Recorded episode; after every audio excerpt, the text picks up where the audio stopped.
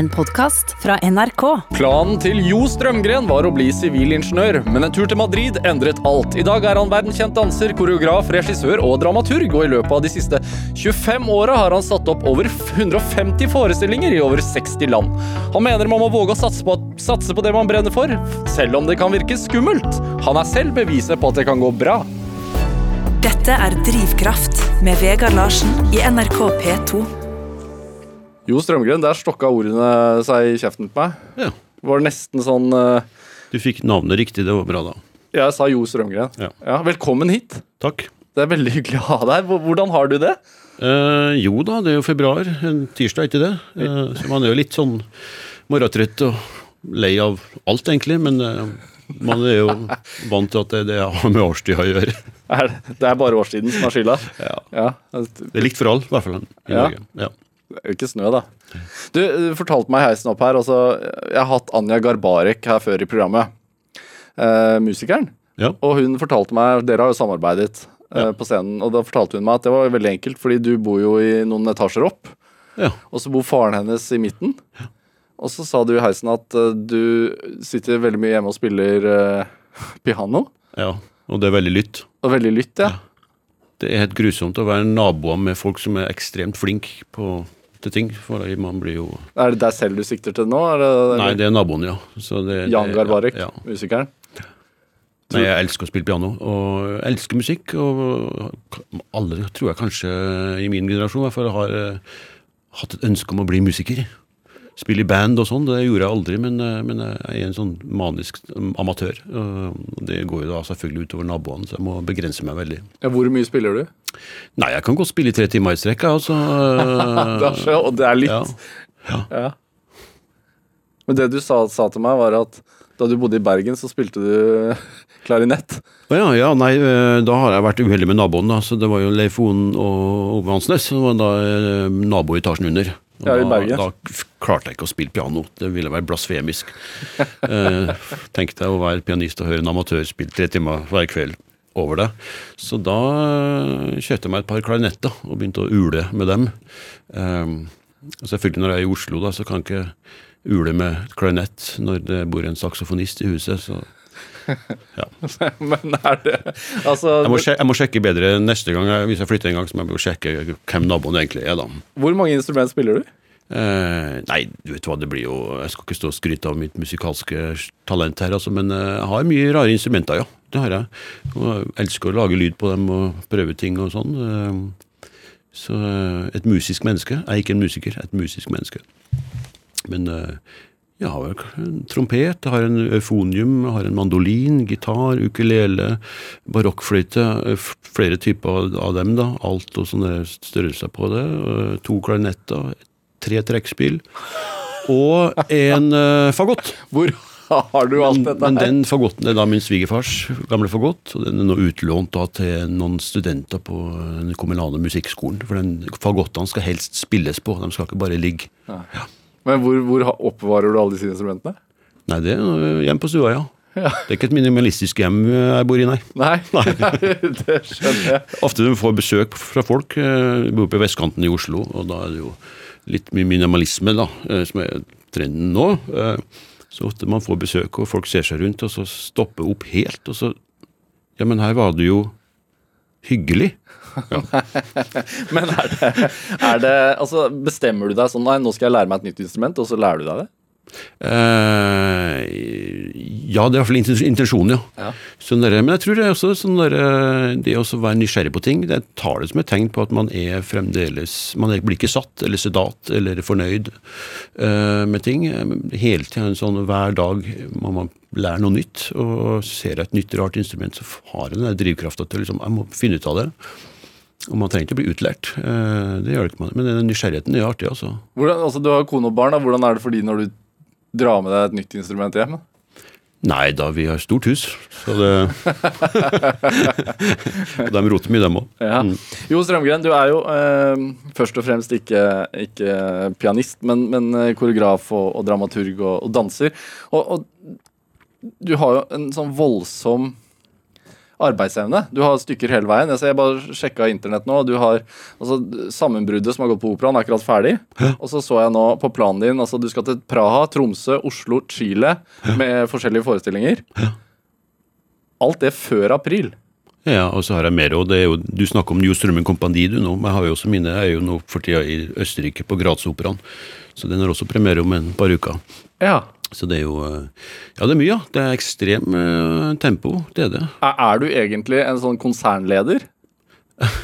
Av og til har jeg tenkt på at uh, dem, man har noe til felles, ja. Ja. Ved å holde veldig mange prosjekter på gang samtidig over store geografiske områder. Veldig mange ting som kan skje feil, og man må eh, tenke langsiktig for at det hele skal gå opp i jobb. Men eh, Nei, jeg vet ikke, jeg har jo vokst opp eh, som nordmann, eh, og vi har våre liksom, Hva er et arbeidsliv? Eh, 37,5 timer per uke og overtid og bla, bla, bla. Men eh, jeg tror nok kanskje jeg har Og folk er jo født med forskjellig energinivå. eh, forskjellig type kondis. Hvordan er ditt energinivå? Jeg har ikke sånn, jeg spurter ikke noe fort, men eh, jeg kan holde på veldig lenge. Og det gjelder ikke bare med det jeg jobber med, men også hvis jeg skal hogge en ved eller grave ei grøft. Eller eh, være i et forhold, eller eh, lese en bok. Man holder ut lenge, da. Seig. Seig tror jeg nok er, ordet. Um, og, og jeg tror kanskje jeg sammenligner med, jeg føler meg mer beslekta med liksom den amerikanske eller japanske arbeidsrytmen. Eh, De jobber mye mer der. eh, Og øh, selvfølgelig, det er avhengig av at man har en jobb man liker og brenner for, og at man har funnet det man liker her i livet. Hvis jeg nå hadde hatt tempoet jeg har nå, med en jobb jeg ikke har likt, så har jeg vært innlagt for 15 år siden, liksom. Det hadde jeg klart. Men altså, du, du nevner eh, japansk eh, arbeidsmoral. Og hvis en japansk arbeidsleder eh, brått skal lede en gjeng med nordmenn, f.eks., så blir jo det kulturclash. Ja. Hvordan, hvordan tror du det er å jobbe for deg, da? Uh, jeg, jeg, kulturkrasj opplever jeg sjelden, eh, fordi stort sett utenlands der jeg opererer, er jo, er jo arbeidsmoralen ikke noe kritikk av nordmenn her, da, men, men det er en annen eh, driv på arbeidet. Eh, så, eh, så jeg syns egentlig det er deilig å jobbe i Norge uh, deler av året, hvor man da ikke trenger å jobbe så mye. Jeg syns det er jo, gøy å ha fri, selv om man jobber mye. Så, så det å ha pauser Og så eh, insisterer jeg da, jeg røyker jo veldig mye. Det eneste lasten jeg har i mitt liv, da, er at jeg røyker, så jeg insisterer på å ha fem minutters pause hver time. Ja. Så det, det er mitt bidrag til, til verdens uh, arbeidsmoral. Ja. Innføring av fem, time, fem minutter per time. Men, men vi skal sitte her en time nå, Hæ? uten røyk. Ja, men etterpå, Ja. da skal jeg ut og røyke, ja. Ja, det Hvorfor, hvorfor er Altså, det er, jo ikke, det er jo ikke veldig trendy å røyke lenger. Nei, det er helt grusomt. Eh, eller det kommer an på hvor man drar, da. Jeg hadde jo nettopp en produksjon i USA igjen. Min åttende produksjon i USA. Nå tenkte jeg at jeg skal ikke, jeg skal ikke være mer i Amerika, altså. Jeg hadde fått nok. Uh, og det å være røyker der nå, det, det er ikke noe artig, altså. Du uh, Hva skjer der? Nei, folk uh, ser ned på deg, rett og slett. Litt sånn white trash som står der på hjørnet og røyker.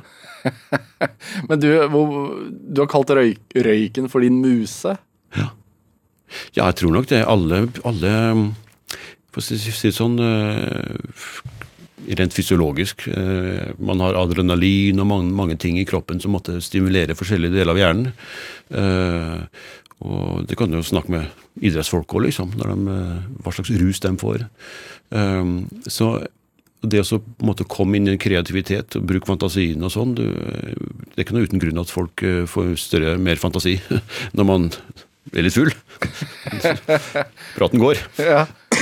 Og, um, og narkotikum og hallusinogena og alt det der. Som det finnes jo veldig mye, mye man kan påvirke hjernen med. Eh, så jeg tenker at vet du hva, for meg er det nok med en liten eh, små doser med nikotin. Det gir en sånn boost til hjernen, eh, og det, det har jeg blitt vant til. da. Så du klarer ikke å jobbe uten? Nei, hvis jeg, hvis jeg går og skal prøve å slutte å røyke og sånn, og får sånn anfall av, av helse utopi, liksom, så, så eh, merker jeg at det går på kreativiteten løs, ja. Så jeg får ikke så mye ideer. Um, men uh, jeg tenker det er uskyldig. Lever man et sunt liv ellers, så, så er det jo helt kurant. Jeg hadde jo en bestefar. Han var jo da fikk Økebergs ærespris, faktisk, i sport. Oi. Den høyeste utmerkelsen i norsk idrett.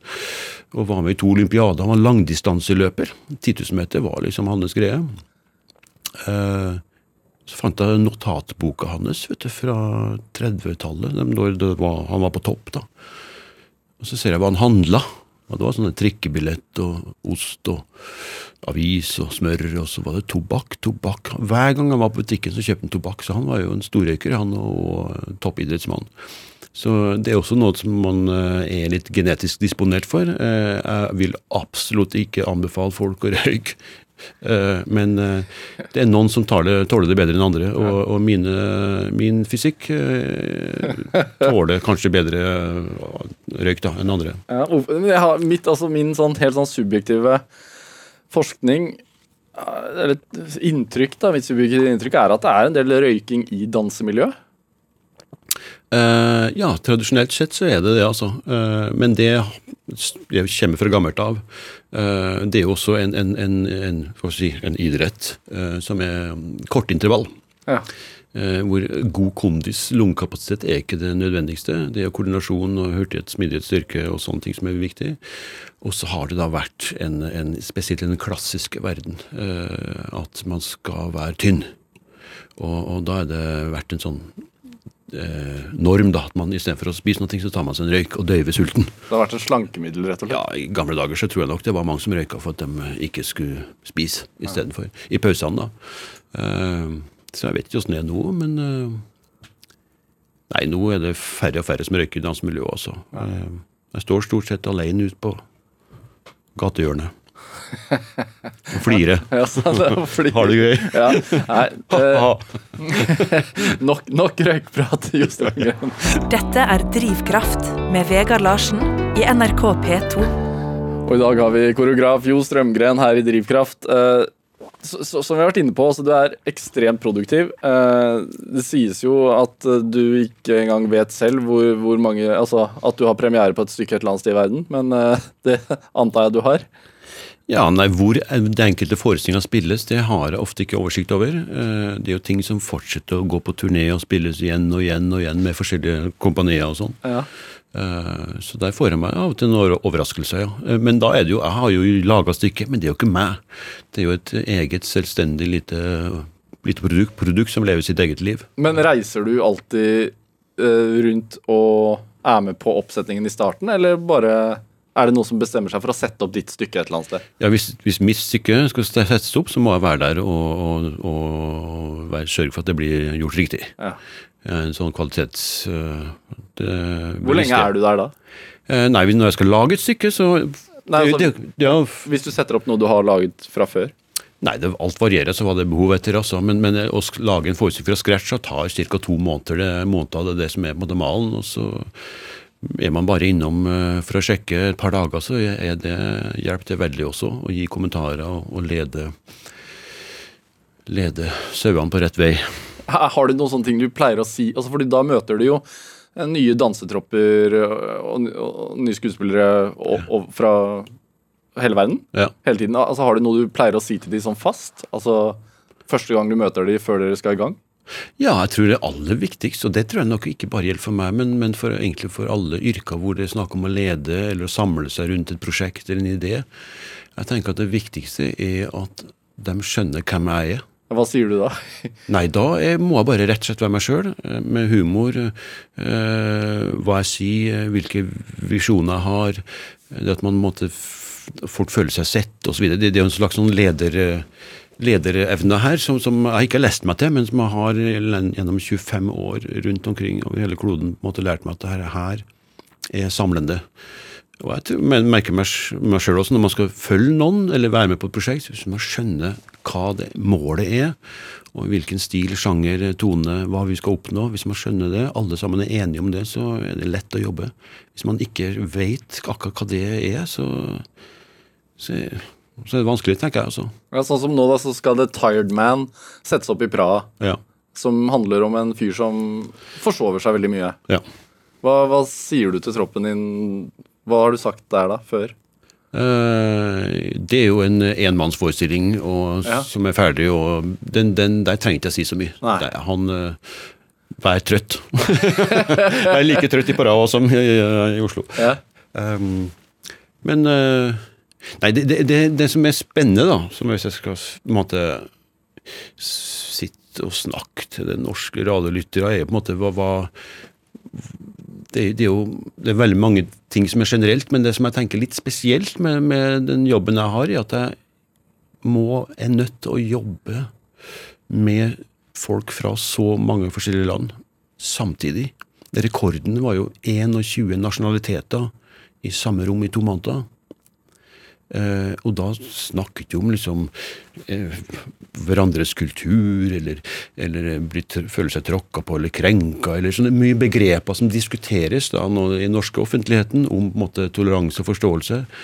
Eh, for meg er det litt sånn ja, men hallo, se på dansemiljøet, eksempel, da, internasjonalt. Ja. Det, det er et FN i praksis, og det fungerer utmerket. Det er ingen konflikter hvis man bare er samles om en felles idé og jobber mot et mål. Så løser jo alt seg. Eh, Så jeg har opplevd utrolig få konflikter altså, som har med kultur eller nasjonalitet eller språk å gjøre. Eh, Men eh, selvfølgelig, jeg tror nok at jeg har en, en høy grad av toleranse og forståelse sjøl, da. Og der er det jo kanskje også litt relevant. Jeg hadde jo en, en far som jobba internasjonalt alltid. Så jeg ble jo tatt ut av skolen gjennom hele oppveksten. og ble, Vi skulle dra utenlands, og da helst til subtropiske strøk, for han var marinbiolog. Eh, Så det å oppleve at det fins andre virkeligheter rundt omkring eh, Alt er relativt. Vi har, eh, vi kommer fra Norge, men verden er ikke sånn som vi har lyst til at den skal være. Og en sak har alltid to sider, men den har faktisk 17 eller 140 sider. Eh, Så det, det har hjulpet meg seinere til å være veldig, veldig forståelsesfull, nysgjerrig og tolerant. altså. Men du må jo være veldig god til å få folk til å samles rundt og ha din visjon og din idé som mål. Ja. Hvordan klarer du det, da? Nei, da er det Man må bare være ikke gå på en sånn lederkurs, eller være, gå med dress eller slips, men være seg sjøl. En god leder. En personlighet eh, slår jo alt. Um, og en, en, en, en, kulturaktør uten personlighet, det, det, det, funker jo ikke. Verken for den som skal jobbe med dem, eller dem som skal høre på eller se på. Så, eh, så, så det er nesten den enkleste oppgaven. Altså. Og, Men det koster jo litt, det også, måte, å være seg sjøl i alle sammenhenger med sine svakheter og styrker. Eh, Jeg har en humor som av og til er helt på trynet dum. Du har Å ja, den er så, den er så upassende. ja, Kan, kan du komme med et eksempel, så man forstår hva du sier? Nei, nå er det for tidlig også, men eh, Nei, kom jo, igjen. eh, Nei, det, det, det Jeg tenker at man gjør humor på sin egen bekostning. så man gjør seg, Det å spille det er kanskje noe med den norske dobbel- og trippel- og kvadrippel-ironien. At man, man, man later som man er dummere enn man er, for å få frem et poeng. Og det, det, og det er noe som man kunne ha skjemtes av ikke sant? Ja, i profesjonelle sammenhenger. Men jeg tenker ok, vet du hva, jeg køler på. Og så er det en slags svakhet som, som vises, og folk eh, blir sjarmert av det og liker det og aksepterer det. Um, så det, det startpunktet går alltid bra, altså, for min del. Uh, uansett hvor jeg er i verden. Uh. Men bare, så- bare sånn for å oppsummere altså, Stykkene dine handler jo ofte om, om mennesket og, og, og forventninger mennesket har, men også, og forventninger man har til andre mennesker, men også om, om menneskets syke. Er det, er, føler du at det er en riktig oppsummering? ja, jeg er en humanist. Ja. Det er jeg altså. Og jeg er grunn, grunnstemninga mi, grunnholdninga mi, er at eh, jeg tror verden går til helvete. Og jeg er stort sett sint og provosert. Skitforbanna, er rett og slett det, altså. Hvorfor det? Nei, fordi jeg syns det er så mye galt som skjer rundt omkring. Eh, både i Norge og resten av verden. Eh, og har lyst til å forandre ting. Eh, men da tok jeg et valg, altså i tenårene, på en måte Skal jeg gå inn i politikken? Eh, skal jeg bli aktivist? Eh, eh, hva skal jeg gjøre for noen ting?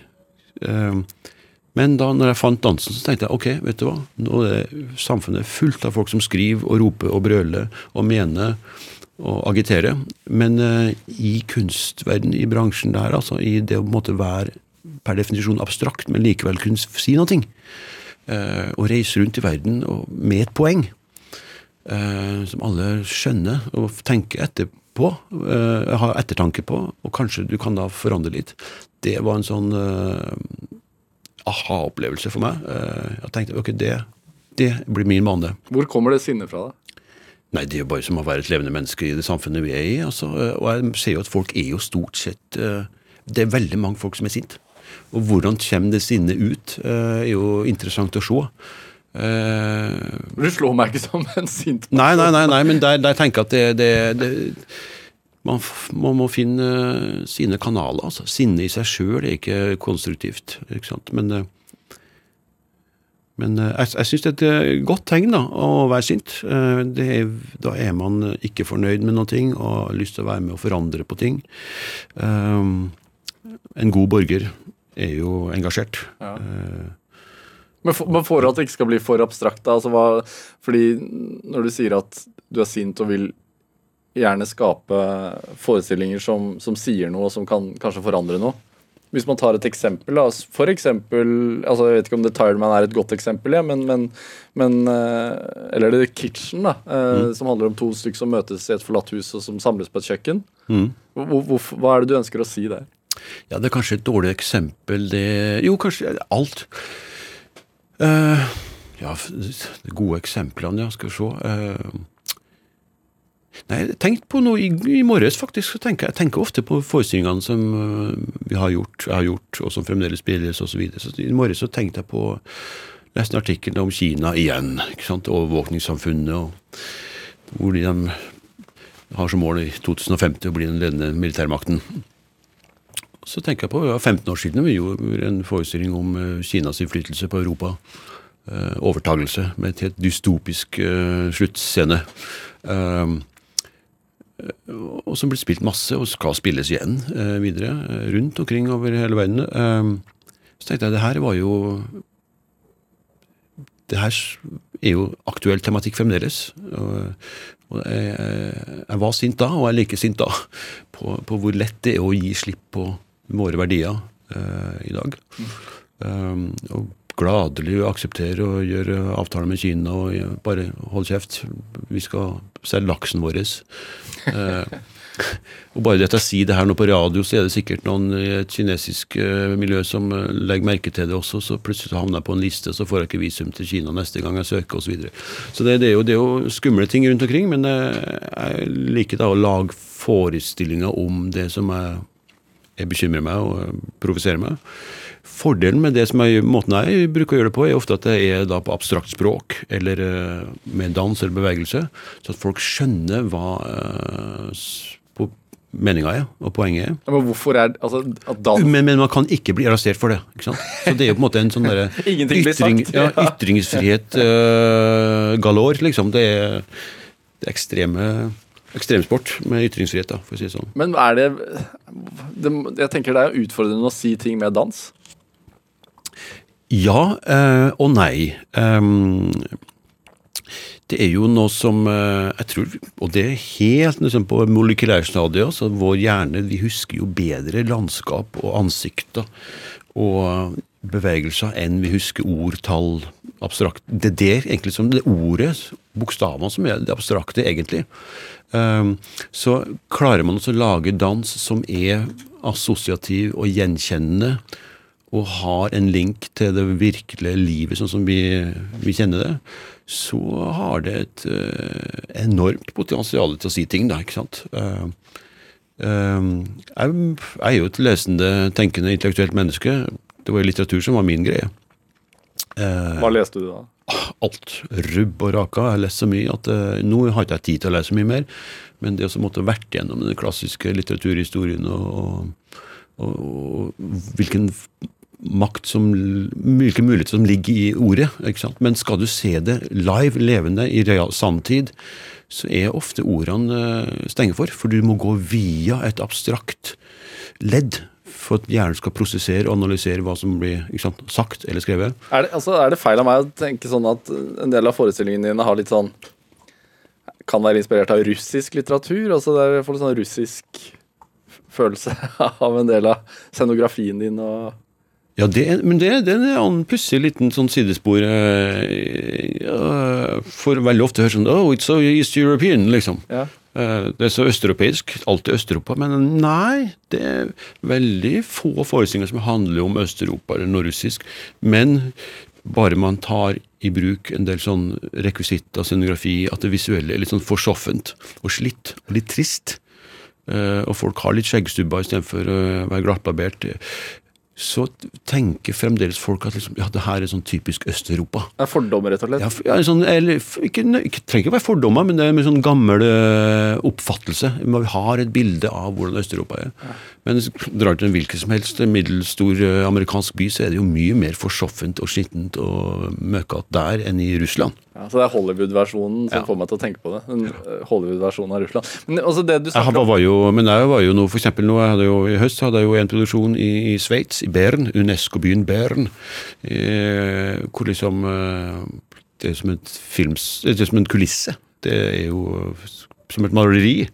Så dro jeg rett derfra til en produksjon i Philadelphia. Og når jeg kom ut i Philadelphia, jeg har vært mye i Philadelphia, men aldri kommet dit direkte fra Sveits. Når jeg kom ut på gata der, så tenkte jeg herregud, det her er, nå er jeg midt i en Mad Max-film. Det er så møkkete og skitete, og så mye drit og lort. Eh, men så skjønner jeg ok, men det her er jo faktisk sånn verden er. Verden er jo ikke som Sveits. Men, men altså, det du snakker om at dansen er et godt virkemiddel, og at, at det kan eh, formidle mer enn en språk i seg selv eh, altså fordi du har brukt mye sånn kaudervelsk, Ja. som jo ikke er språk i det hele tatt. Altså, det er en slags babling. ja. Eller eh, ja, Det er babling. Nå ble jeg krenka, altså. Ja, det er ikke babling. Nei, det er ikke babling. Jo, det, det er babling. Eh, men, men ja, at, at du snakker, men det er det, det høres ut som et ekte språk. Hvordan høres det ut?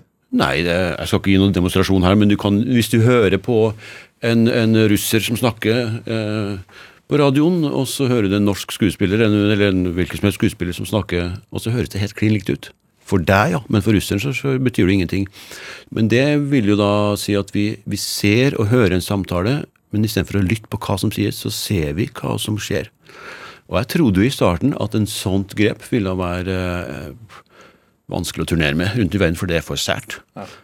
Men, men jeg oppdaga det motsatte. Eh, Nå i 20 år så har vi turnert rundt altså, med sånne forestillinger, og det er ingen forvirring å spor. Og folk skjønner ting mye kjappere med det, for man, man kjenner igjen situasjonene. Man leser med synet istedenfor å lese med liksom, den analytiske hjernen. Jeg blir jo, må jeg si, jeg elsker Ibsen, jeg elsker Shakespeare, jeg elsker sånn tung litteratur.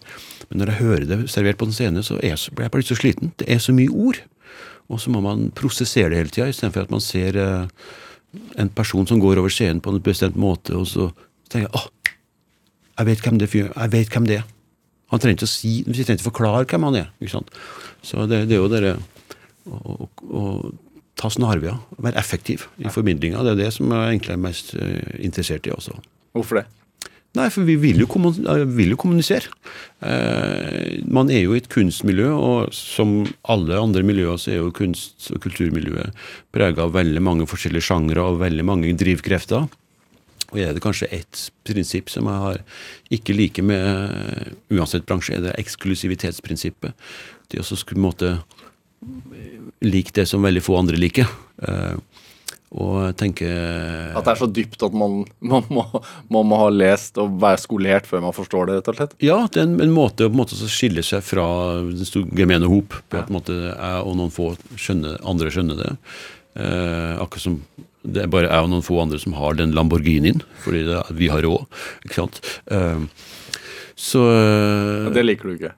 Nei, jeg tenker jo det, det, blir jo et sidespor. Eh, da blir det på en måte en slags posisjonering, sosial status eller uh, osv. Uh, jeg har lyst til å kommunisere fra publikummer til eh, Fra scene til sal. ikke sant? Så det blir meg og den som ser på, én til én.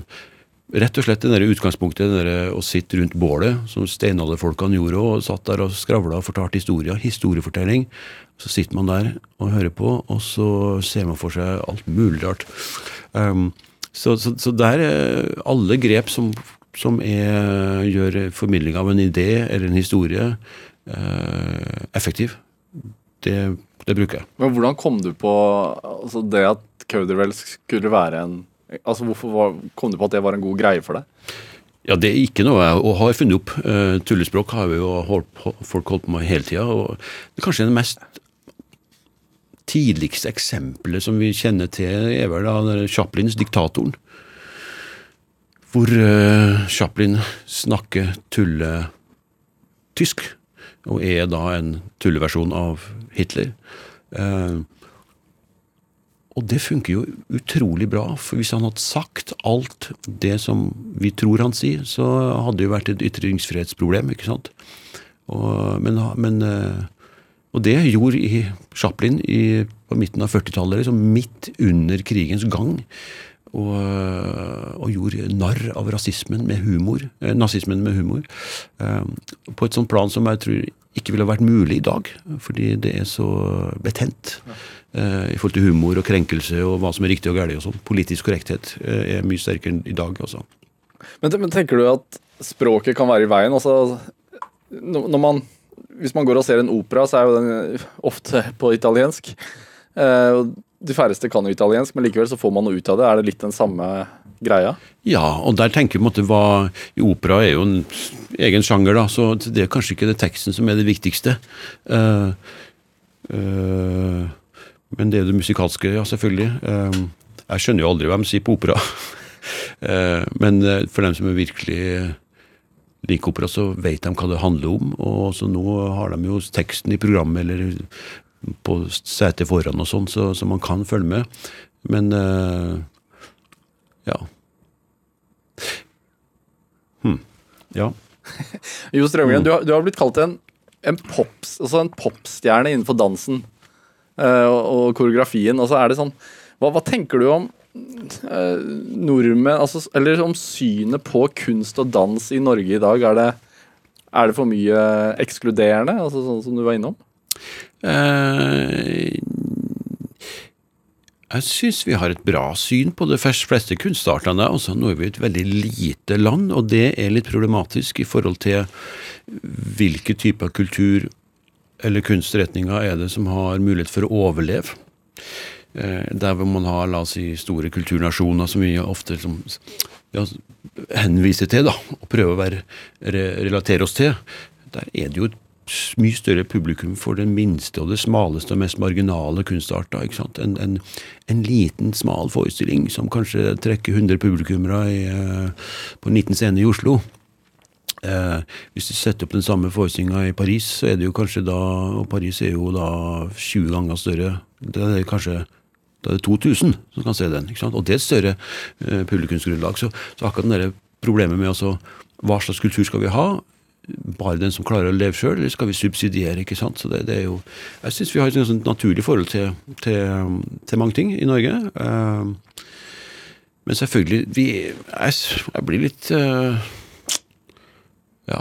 Men vi har fremdeles i Norge en del sånne prinsipper som uh, eksklusivitetsprinsippet og jantelov og, og ditten datten. Og hvis det er noen som blir berømt, så kommer du i VG, og så blir, står egentlig blir alt helt feil. og så, eller sånn, uh, ja, jeg vet ikke. Jeg savner, savner jeg, jeg, tror kanskje bare la det gå to par tiår til, så er vi, har vi et enda sunnere forhold til kunst og kultur, tenker jeg. Enhver nasjon har jo sine utviklingsperioder, barnesykdommer og sånn. ikke sant? Og, og ehm, ja, Russland har jobba masse i Russland, vært mye der og sånn. forhold til litteratur, liksom. Det, det, eksempelvis. da, Eller klassisk musikk, eller også teater for den saks skyld. er jo, er jo det er en sånn selvfølgelighet i det. ikke sant? Eh, der går jo folk på teatret fordi de er interessert, ikke for at de skal vise seg fram.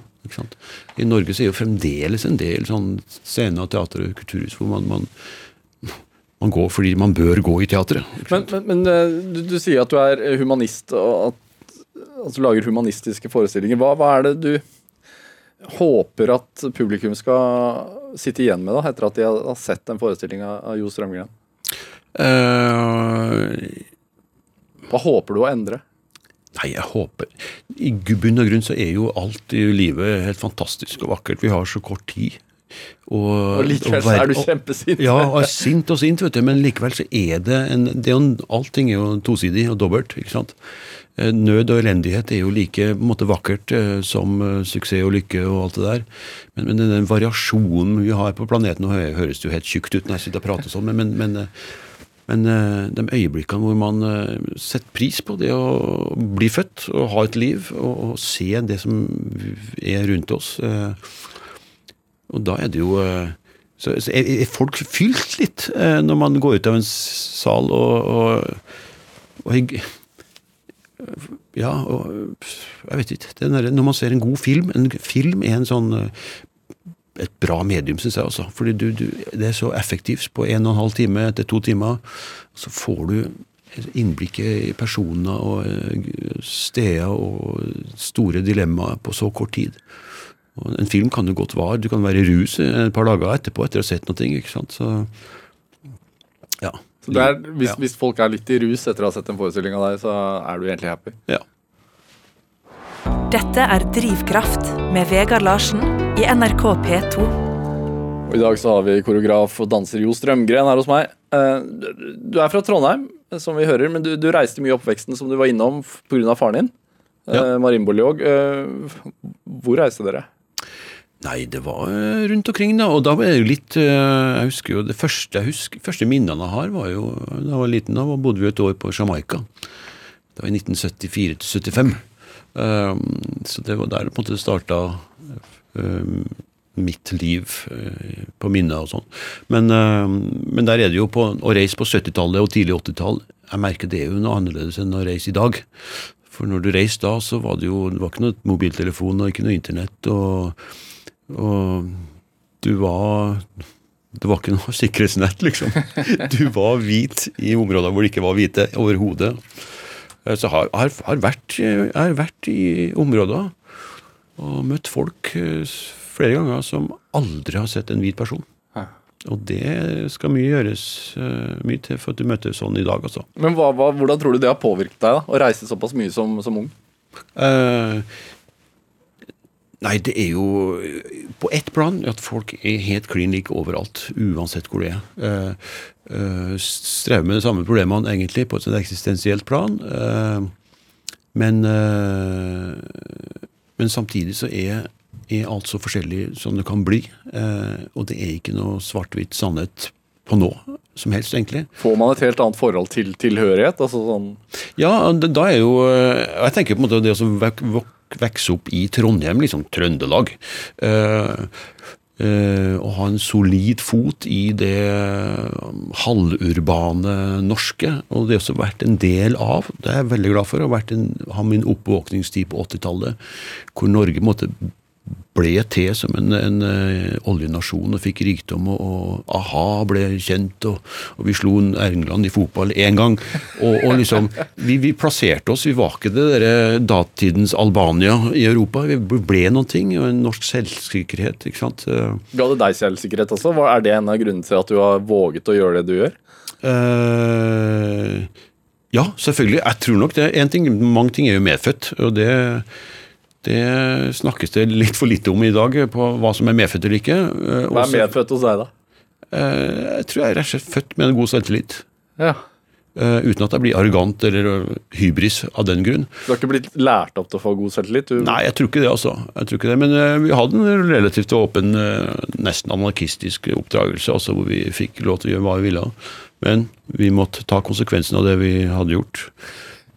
Så, men, men bare det som måtte være en, en uh, Ha den eh, norske 80-talls uh, uh, selvsikkerheten eh, i bånn, og se hva, liksom, hva er det å være norsk. Jeg, jeg føler meg ekstremt norsk, men samtidig da ha føtter i i andre verdensdeler, eh, erfaringer derfra. Så, så der, jeg tenker den, der, den, den tosidigheten der eh, har vært utrolig viktig, både som person og som i kunstlivet også. Hva er det å være ekstremt norsk, da? Eh, nei, det kan man jo snakke i evigheter om, men eh, jeg vet ikke. Det er jo en sammensatt eh, greie, det å være norsk òg, altså. Men jeg tror på en måte den, der- den felles hukommelsen, felles referansene vi har Uh, Brå, Brakstaven, alt det Ja, ikke sant? Nå, hvor var du da, Bråbrakstaven? Den ikke sant? fremdeles, ja. uh, eh, og I et lite land så er sånne ting veldig viktig. I Amerika for eksempel, en helt annen nasjonsforståelse.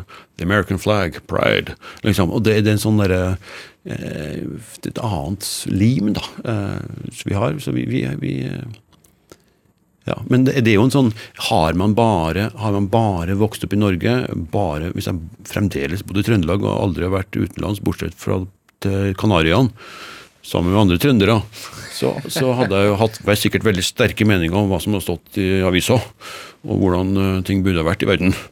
Ikke sant? Ehm, men jo mer man vet, jo mindre skråsikker blir man. Og det var det kanskje verste jeg vet, er folk som er skråsikre, og dem er det veldig mange av i dag.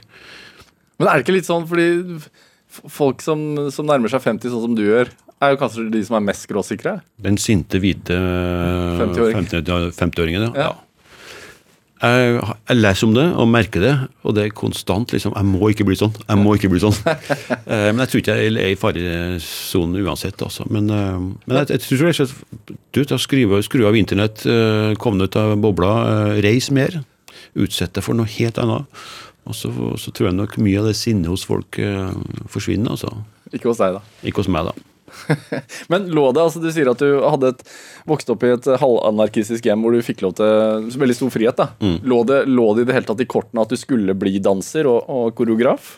Nei, overhodet ikke. Jeg tror jeg I en stor familie på 50 pers så er jeg kanskje jeg den eneste som driver med noe som er av noe kulturelt. Så det er, var rett og slett min egen uh, vilje, ja. Uh, og det er også en del av på en måte, Man snakker om forskjellige tiår, og, og eh, jeg tror mange er mer påvirka av hvilke tiår man har vokst opp i, enn det man tror. Uh, og jeg tror nok det er 80-tallet. For mange så handler det om hårs, hårsveis og rare ting. liksom og Den type musikk osv. Men jeg tror kanskje i bunn og grunn eh, 80-tallet for meg handla om det altså at uh, man skulle ikke være som andre, man skulle finne sin egen personlighet. Og det er en eh, Man skal ikke gå i flokk. Ja, da ser man også på mye musikk. Det har aldri blitt laga så mye mer sær, alternativ eh, musikk som på 80-tallet. Og filma og liksom massevis av utskudd. Og, for min del så var det også å måtte begynne med ballett og dans. eh, Det var det rareste du kunne det gjøre. var, og da var ikke det mange gutter som eh, holdt på med det. da. Så det var sånn, ok, nå er jeg veldig spesiell. Hva sa, hva sa din far, marinebiologen, da du Eh, skulle begynne på ballett? da?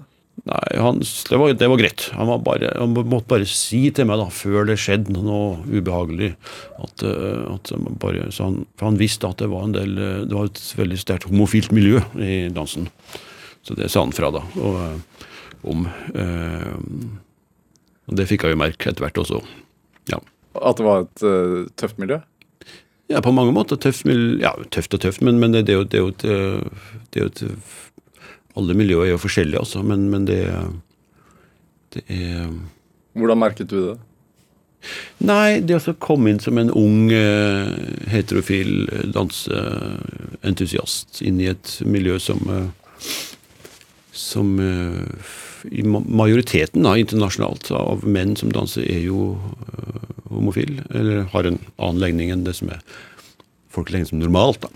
Um, så ja, da har jeg opplevd en del artige ting, da. ja, nei, men det, det er ikke noe man skal gå i dybden på det, altså. Men, men, men, men uansett, eh, frihet til å gjøre hva man ville i, i, eh, med sitt liv, det hadde vi altså. Ikke noe press fra noen foreldre til å, å, å gå inn på andre typer studier. Eh, Men da tenker jeg jo ofte på det med den 80-tallsbakgrunnen også, at man, man tar et valg på å gjøre det man vil, og så tar man konsekvensen av det. ikke sant? Da, når man da etterpå har et yrke, um, så er det Du kan ikke skylde på noen. ikke sant? Det er Du er din egen gründer. Uh, og da tar du også mye større ansvar altså, for, dem, for, for, for ditt eget liv, da, tenker jeg. Hvis, hvis, hvis dine foreldre presser deg inn i et yrke du ikke liker, så er det klart du mister jo interessen og yter ikke det beste da. Men har, har det vært ganger at du har tenkt sånn Ja, ja, jeg tok jo det valget, så da må jeg bare stå i det? Har, har det skjedd det? At du, at du te- har tenkt sånn Jeg tok jo det valget, så da må jeg bare stå i det? Ja, jeg har jo jeg- Selvfølgelig, alle har jo sine kriser her og der. Jeg har hatt en, eh, De siste par årene har jeg gått og tenkt du, Skal jeg holde på med det her hele tida? Nå begynner jeg å bli sliten. Er det sant? Ja, ja, vet du hva. Og reise og reise og reise. Alle vil jo reise rundt omkring i verden, men vet du hva? Jeg, jeg, jeg reiser så mye at jeg, sånn 200 reisedager i året i 20 år. Eh, man blir jo helt fucka i hodet, for å si det på ordentlig trøndersk. Um, og da har jeg gått gjennom da, hvilke yrker kan jeg bli istedenfor. Det er ikke for seint å starte med noe nytt. Jeg har gått gjennom så mye yrker, og tenker, men jeg, etter å ha tenkt masse masse, masse på det, så tenker jeg vet du hva, det, er, nei, det er det, det, her jeg kan nå. Nå kan jeg det her. Jeg er ekspert på det jeg holder på med. Og, og da tenker jeg også, i samfunnsperspektiv også, på en måte, da er det best at jeg er på min plass. Og Men, fortsetter med det. Dette blir en sånn der, um, skikkelig dårlig gartner. Er det derfor du hele tiden lærer deg nye instrumenter? Ja, må jo um, ja, nei, Jeg kommer ikke til å bli musiker, altså. Men, men, men, altså, hvordan, hvordan, merker man altså, Du sa på godt norsk at du ble fucket i hodet. Hvordan merker man det? Nei, det er jo, jo ja, Alle samfunn har en sånn følelse for, Har noen definisjon av hva som er normalt. Normalitet. Og, og, og, alt blir bygd opp rundt måte, hva det normale er. da, ikke sant? Og Det er annerledes i USA enn i Norge eller i Spania eller i andre verdensdeler. liksom. Men jeg merker det også, det å være en reisende fyr. Eh, og ikke det å bo i én by og kunne følge opp familieliv. Jeg har ikke en sosial gjeng som jeg møter hver torsdag liksom på puben. Er det et savn? Det har vært et savn, men tenker jeg, ok, da, jeg, må, jeg, kan ikke, kan ikke drive på å savne ting. Jeg må fokusere på det som jeg har, som er bra. ikke sant? Ja. Um, så da merka jeg at det, etter hvert så mye rundt omkring eh, i verden, eh, har hjernen min blitt annerledes. Eh, og F.eks. med tidsforståelse. For eksempel. jeg har en helt uh, ukronologisk tidsforståelse. Jeg har en sånn tidsforståelse i bolka. Uh, så drar jeg tilbake til Spania i morgen, så fortsetter den samtalen jeg hadde for fem år siden med den personen. Og det har ikke gått fem år, for min del. Det er, sånn, det, er vanskelig å forklare, men, men så det, det, er ofte litt vanskelig når man skal da måtte ha et familieliv eller, eller pleie sosial omgang i, i hjembyen osv. Og forholde seg til andres uh, tidsfølelse. Men du har jo familie, du har jo kone og to barn. Yes. Hvordan er, klarer du da å være en pappa og ektemann? da? Jeg gjør så godt jeg kan. Jeg tror jeg er en ok fyr, for når jeg er hjemme, så er jeg veldig hjemme. Um, og uh, Hvordan da? Ja uh, Nei, jeg ser jo mye folk, folk, folk har jo dårlig tid, altså. Øh, til å følge opp eh, familie og venner og alt mulig. Men eh, så lenge jeg kan liksom, køle på 100 når jeg er borte i et annet land, på en annen produksjon, i en annen jobb. Men når jeg er hjemme, at jeg ikke køler på for mye, men er til stede da, så er kanskje det veier opp. Og de, synes jo, de blir jo blitt vant til de har vokst opp med det. Så når uh, pappa kommer hjem, så er det noe spesielt. Og når jeg ikke er der, så Ja, det vet jeg ikke. Kanskje vi glemmer. Nei, ja. Er det, altså Men det, det er verdt det? Altså, du, har, du, du mener så sterkt det Eller det er så sterkt for deg det du har på hjertet, det du vil si, at det er verdt å være borte så mye? Uh, ja. Uh, det er det, ja. Uh, det er jo en konsekvens hvis man skal nå ut, så alle jobber har sine ulemper, liksom. på Det er jo Det er som oljearbeiderne tradisjonelt sett, på plattformen også hjemme i perioder, men, men, men jeg må dra på plattformen for å gjøre jobben sin. Eh, så jeg kunne jo ha jobba bare i Norge og fått jobba her. Eh, men da hadde man jo ikke fått eksponert ideen sin for eh, publikum i andre land. Og, ikke sant? Eh, og er man på en måte har man, er man provosert over noen ting med tematikk som er viktig, så er det ikke noe vits å spille det for folk på Oslo vest i Oslo, på Operaen, når det, du skal egentlig spille den i Midtøsten. For det er der det har relevans. Eller i USA eller i England eller hvor fanden som helst. Um, så, så, det å måtte gå ut gå ut uh, aktivt og oppsøke konfliktsonen uh, tenker jeg det er jo et, Det må man jo bare gjøre, altså. ikke sant? Og Istedenfor å sitte hjemme og så rope om ting uten å ja. Hvilke tilbakemeldinger får du når du setter opp forestillinger i Midtøsten f.eks.? Uh, nei, uten å være for uh, blasert, så må jeg si at jeg har fått uh, overvekt av veldig bra kritikker og tilbakemeldinger gjennom hele karrieren, sånn sett. Så jeg kunne egentlig ha tatt mer sjanser og vært enda mer uforståelig, hvis jeg ville. Jeg har bufferen er stor da, der på det, men, men eh, samtidig så tenker jeg at det er jo eh, det er et godt tegn, altså. Eh, God kritikk, gode tilbakemeldinger, mye publikum. samtidig som man presser grenser for hva som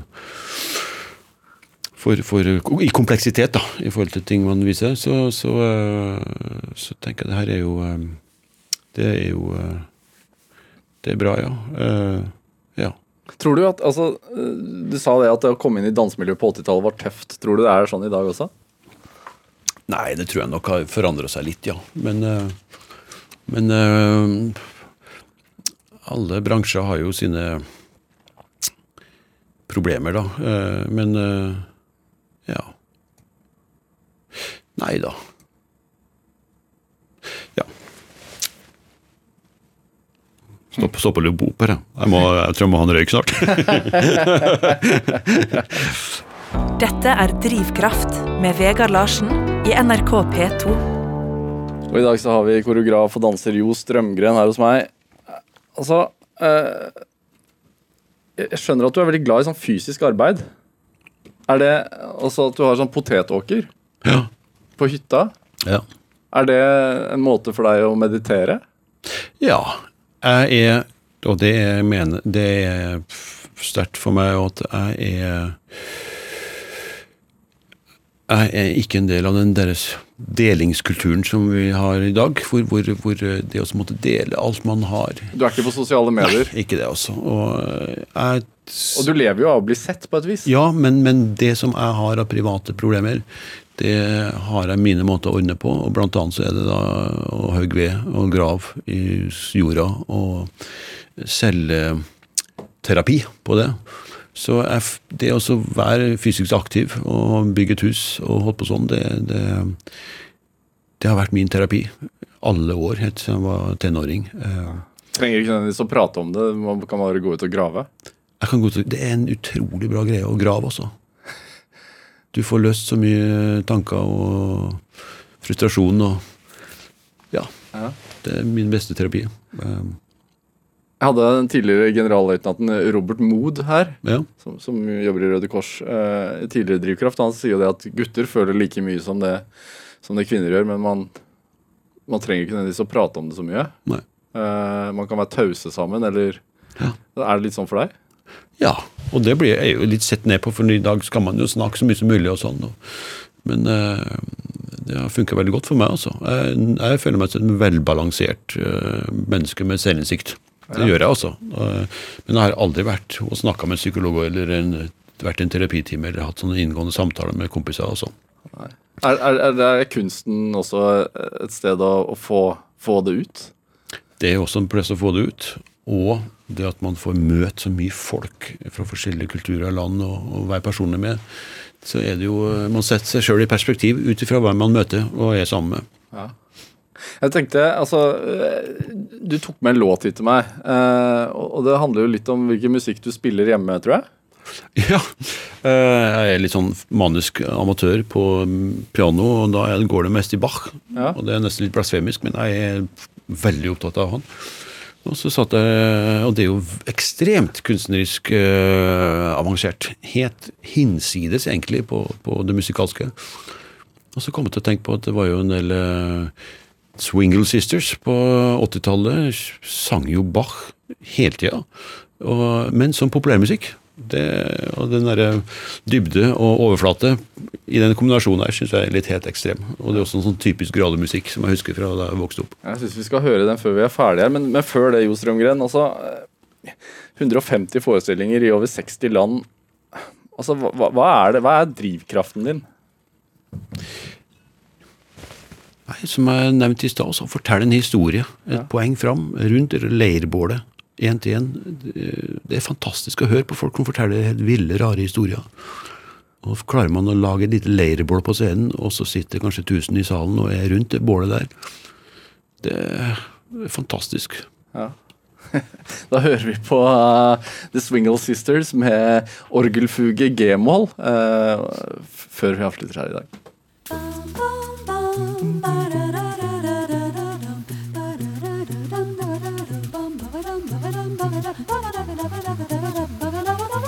Du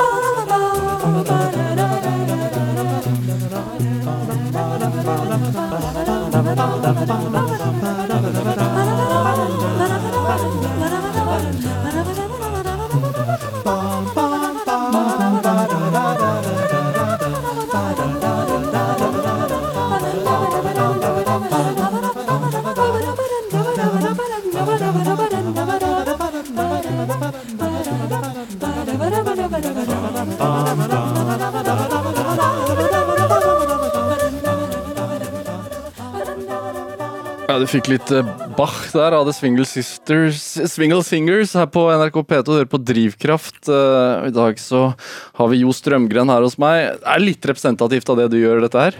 Ja, tenk på det når du spilte nå, at det er jo en sånn veldig lett tilgjengelig overflate med litt øh, Også er det en dybde der som selv musikkeksperter klør seg hodet på. Og det er kanskje det som jeg tenker på også. Man har flere lag i det man viser. i En forestilling. Det er både morsomt, men samtidig også veldig seriøst. Samtidig. Det er ikke lett. Det er ikke lett. Tusen takk for at du kom hit til Drivkraft, Jo Strømgren. Takk. Du har hørt en podkast fra NRK P2.